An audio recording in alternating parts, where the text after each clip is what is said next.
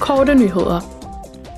Europaparlamentets politiske grupper er i gang med forberedelserne til den kommende plenarforsamling. I næste uge i Strasbourg vil parlamentsmedlemmerne drøfte og stemme om forordningen om kunstig intelligens, samt om den endelige rapport fra undersøgelsesudvalget til at efterforske brugen af Pegasus og tilsvarende overvågning spyware.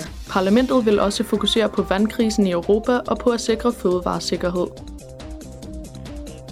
I går fremlagde parlamentet forårets Eurobarometer-data om den offentlige holdning til EU og valget i 2024. Undersøgelsen viser borgernes fortsatte tilslutning til demokratiske værdier og generelle tilfredshed med EU's demokrati i en periode med fortsatte økonomiske vanskeligheder. 71 procent af respondenterne siger, at EU's indsats har indflydelse på deres dagligdag. I dag er verdensdagen for fødevaresikkerhed. Årets tema er fødevarestandarder redder liv.